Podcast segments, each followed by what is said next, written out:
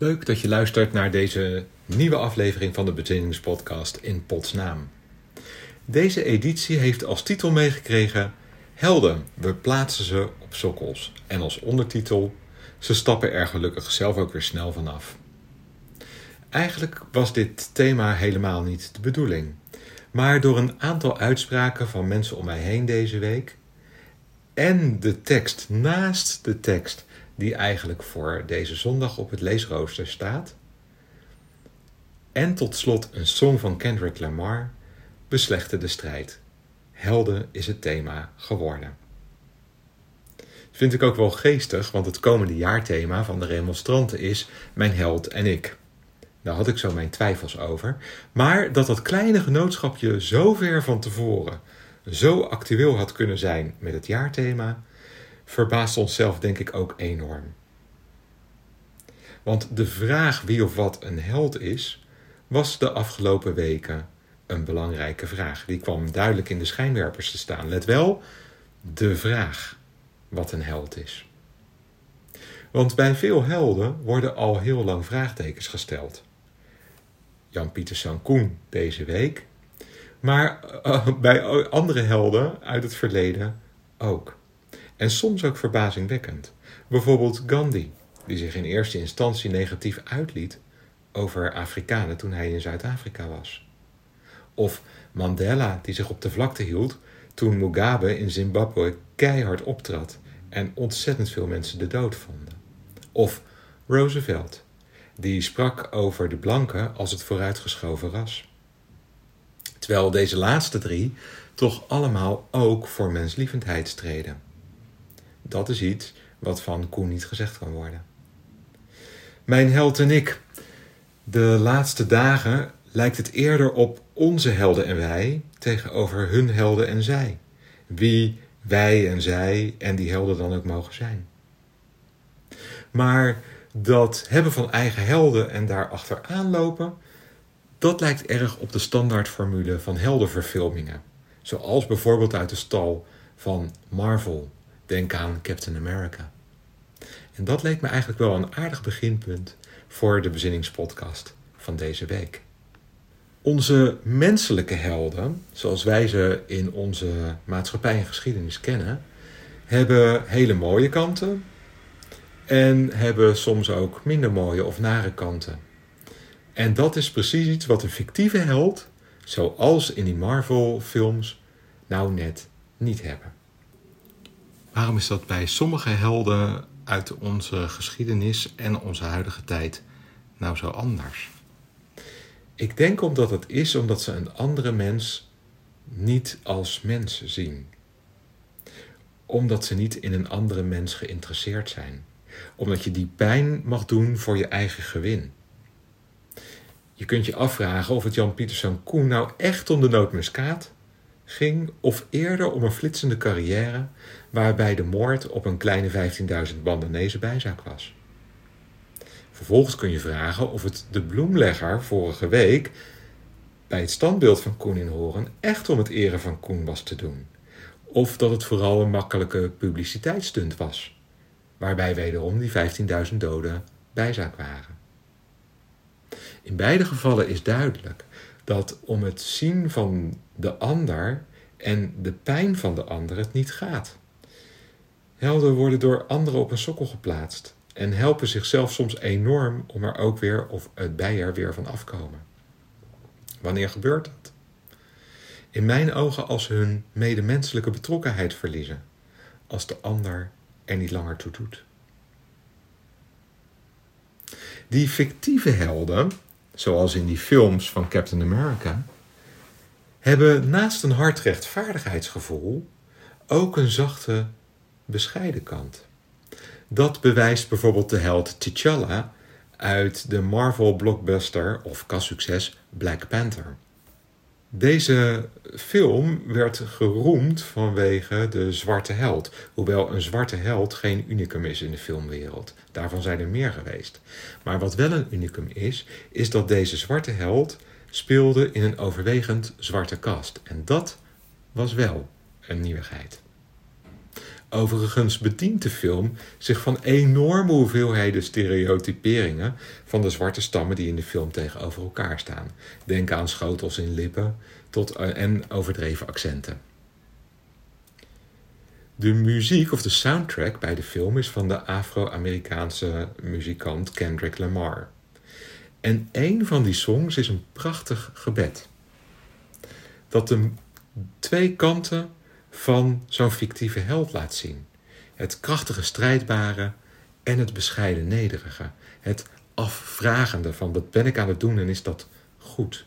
Dat lied laat een innerlijke strijd voelen uh, die veel mensen en veel jongeren ongetwijfeld zullen herkennen, van welke etniciteit dan ook. Het gevoel speelbal te zijn van grotere machten die van alles doen waar jij door gestuurd wordt en waar je geen invloed op hebt. Het is voor velen van ons, denk ik, ongebruikelijke muziek. Ik zal het zo meteen eerst in de vertaling lezen, die ik zelf heb gemaakt. Dus, dus vergeef me als er, uh, als er fouten in zitten. En daarna luisteren wij naar die muziek van Kendrick Lamar als gebed.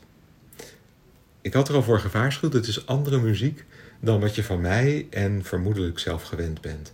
Maar lees vooral de tekst mee, uh, zodat je de pijn voelt waar Lamar over zingt en rapt.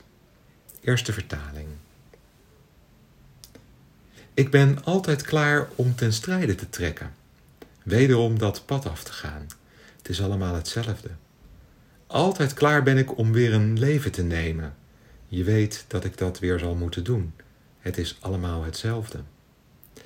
Zeg me, wie zal mij redden van mijzelf?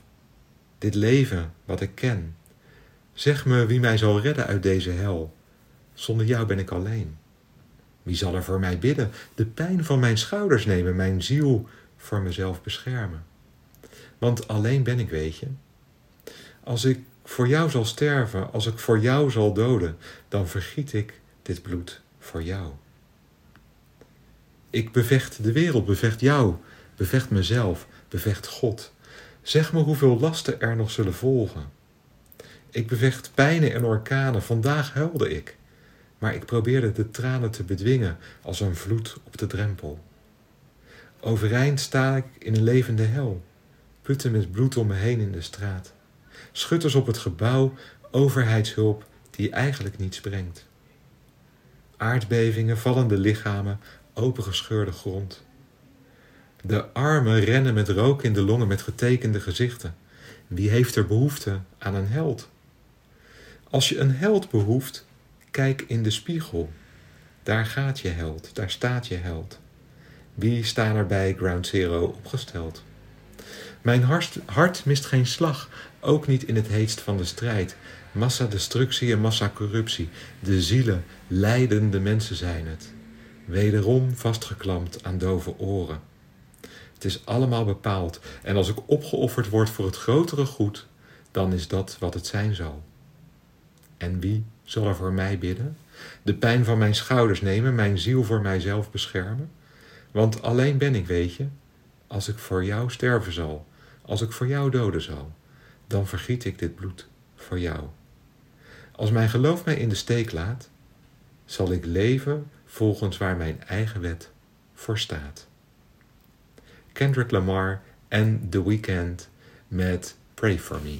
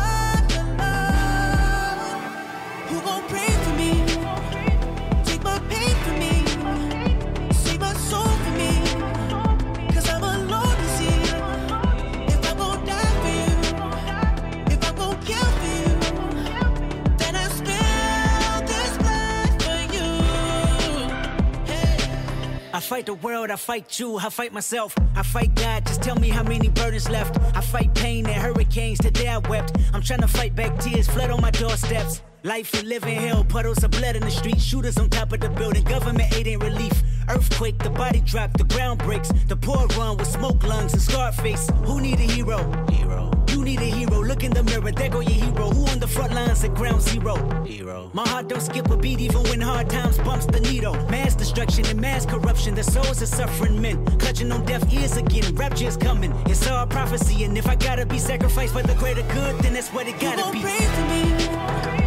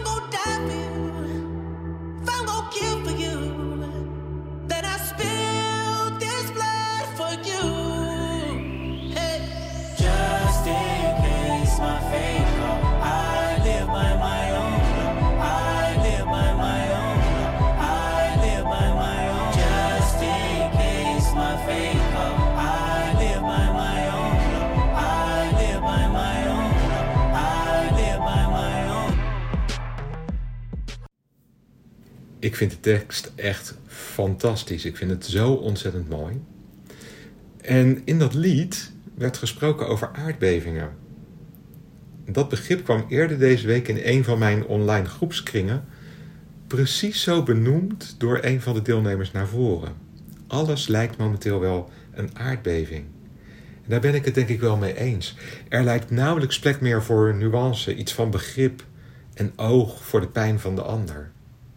Alles lijkt ineen te storten onder een druk die niemand in de hand heeft, maar waarbij wel veel vernield wordt. Op sociale media bijvoorbeeld worden mensen figuurlijk opgeknoopt alsof ze het mens geworden kwaad zijn. En het wij-zij denken dat daardoor versterkt wordt, viert hoogtij. Het is tamelijk voorspelbaar dat we daardoor niet gaan komen waar we juist zouden moeten komen. Want wat er nu gebeurt, leidt denk ik eerder tot het steviger innemen van posities dan dat mensen door begrip en respect voor elkaar naar elkaar toe groeien. En dat lijkt me waar de strijd over zou moeten gaan. Om de pijn van de ander te erkennen is begrip nodig en begrip komt nu eenmaal eerder voort uit oor hebben voor elkaars verhalen dan beschuldigingen naar je hoofd geslingerd krijgen. Door de manier waarop bericht wordt op verschillende media en op sociale media dingen worden geframed, is het tamelijk ongemakkelijk om je niet te laten beïnvloeden. En juist op dat moment viel mijn oog op Psalm 71, terwijl ik eigenlijk het staartje van Psalm 69 moest lezen voor het leesrooster. En toen moest ik denken aan het gebed, het lied van de held of over de held, wat we net gehoord hebben. Ik zal Psalm 71 voor een deel voorlezen. Dat luidt als volgt. God, bij u zoek ik bescherming. Laat me niet alleen. Wees goed voor mij en red mij. Luister naar mij en help mij. Wees voor mij een veilige plek waar ik altijd heen kan gaan. U zult mij redden, want u bent sterk en machtig. U zult mij beschermen tegen gevaar. God, bevrijd mij uit de macht van slechte mensen, van mensen die mij onderdrukken. Op u vertrouw ik, mijn God. Mijn leven lang vertrouw ik al op u. U helpt mij al vanaf mijn geboorte. U zorgt al voor mij in de buik van mijn moeder. Daarom zal ik altijd voor u zingen. Voor veel mensen ben ik een voorbeeld, want ze zien dat u mij beschermt. Ik zing over u, elke dag weer zing ik over u. Vergeet mij niet, nu ik oud ben, laat mij niet alleen, nu mijn kracht verdwijnt. Want mijn vijanden praten over mij. Samen maken ze plannen om mij te doden. Ze zeggen: God heeft hem in de steek gelaten. Kom op, laten we hem grijpen. Niemand zal hem komen redden. God laat mij niet alleen. Kom snel en help mij. Mijn vijanden willen mij kwaad doen. Straf ze. Houd ze tegen. Jaag ze weg en dood ze. Als je wat kunt met God, zoals hij of zij hier beschreven is, dan is dat natuurlijk prima. Als God iets anders voor je is, of niet bestaat, dan is het behulpzaam om te kijken wat je met zo'n tekst kunt. De held uit het lied van Kendrick Lamar en uit de film zoekt steun bij God en als dat niet lukt, dan zoekt hij het bij zijn eigen overtuiging, zijn eigen wetten. Als God niet een persoon of een kracht is die dat allemaal voor je doet, dat beschermen, dan kun je de kracht in jezelf vinden. Dan kun je de veilige plek waar je altijd heen kunt gaan in jezelf betreden. Daar kan je de kracht vinden om steeds opnieuw op te staan en je leven te leven zoals jij denkt dat het goed is, zoals jij het wilt. Of je die kracht bij God vandaan haalt of in jezelf aanboort, voor andere mensen kun je dan een voorbeeld zijn. Dat doet er niet toe. Of het nou gaat om opstaan tegen racisme en discriminatie, het aan de dag beginnen terwijl je veel lichamelijke pijn en ongemak hebt, angst hebt over wat de toekomst je brengt, of je als mantelzorger weer klaar staat, met die kracht ben je een inspiratie voor anderen. En voor mij hoort daar denk ik nog iets anders bij. En dat is het durven laten zien van je pijn en kwetsbaarheid. Dat staat er misschien ook als we lezen: Vergeet mij niet nu ik oud ben, laat me niet alleen, nu mijn kracht verdwijnt. En dan volgt een stuk over vijanden. Die vijanden zijn misschien alleen vijanden zolang als jij ze vijanden laat zijn. Het hier geschetste beeld is wat er nu ook gebeurt met het afschilderen van de ander als het vlees geworden kwaad. Maar dat zijn we natuurlijk allemaal niet. Helemaal niet. We zitten naast elkaar in de trein. We zijn allemaal verdrietig als een dierbare ons ontvalt. En elke avond hopen we allemaal veilig in slaap te kunnen vallen. Hoewel we godzijdank allemaal anders zijn, zijn we ook verbazingwekkend hetzelfde. Het jaagse weg en doodse zou zomaar eens betrekking kunnen hebben op de demonen die we van anderen maken. Of, en dat lijkt er meer op, die we anderen ons aan laten praten. Black Lives Matter gaat niet alleen over black. Ze gaan over alle levens. All lives matter. LHBTI-rechten gaan niet alleen over rechten van LHBTI'ers. Ze gaan over rechten van ons allemaal en voor ons allemaal. Vrijheid voor vrouwen gaat niet alleen over beperkingen voor vrouwen, maar over vrijheid voor iedereen. Het gaat er mij denk ik niet zozeer om welke beelden we nou van sokkels halen, maar eerder welke beelden we erop willen hijsen. Die beelden gaan voor mij niet over wat er in het verleden niet klopte, maar over hoe we nu met elkaar om willen gaan. Niet in een fictief wij-zij-schema, maar in een menselijk schema. Waarvan we weten dat we niet goed of fout doen, maar goed en fout doen. Allemaal, hoe goed we het ook bedoelen. Dan gaat het over liefde, verdraagzaamheid en ontmoeten. We hebben het dan over vrede en vreedzaam samenleven. Het Kronos Quartet speelt het prachtige Peace Piece van Bill Evans, het vredestuk. Vrede moet niet stuk. Vrede moet samenkomen in een stuk. In een stuk dat we met elkaar maken en waar we allemaal aan bijdragen. Het Kronos Quartet met het Peace Piece van Bill Evans.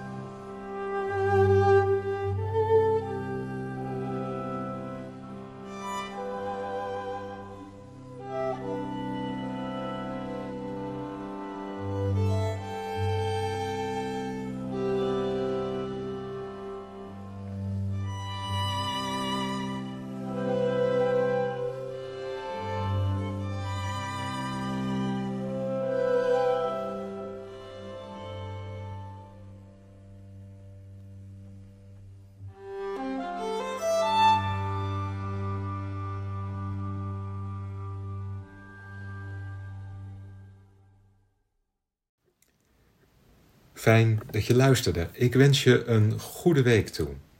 En ik geef je daarvoor een zegen mee. Mogen de liefde en de vrede je vergezellen op het pad dat je gaat. Je een luisterend oor geven en een luisterend oor doen ontmoeten. Zodat de ontmoetingen die je hebt bijdragen aan een wereld waarin iedereen er mag zijn. En zo de vrede van God en de mensheid zich over de wereld kan verspreiden. Amen.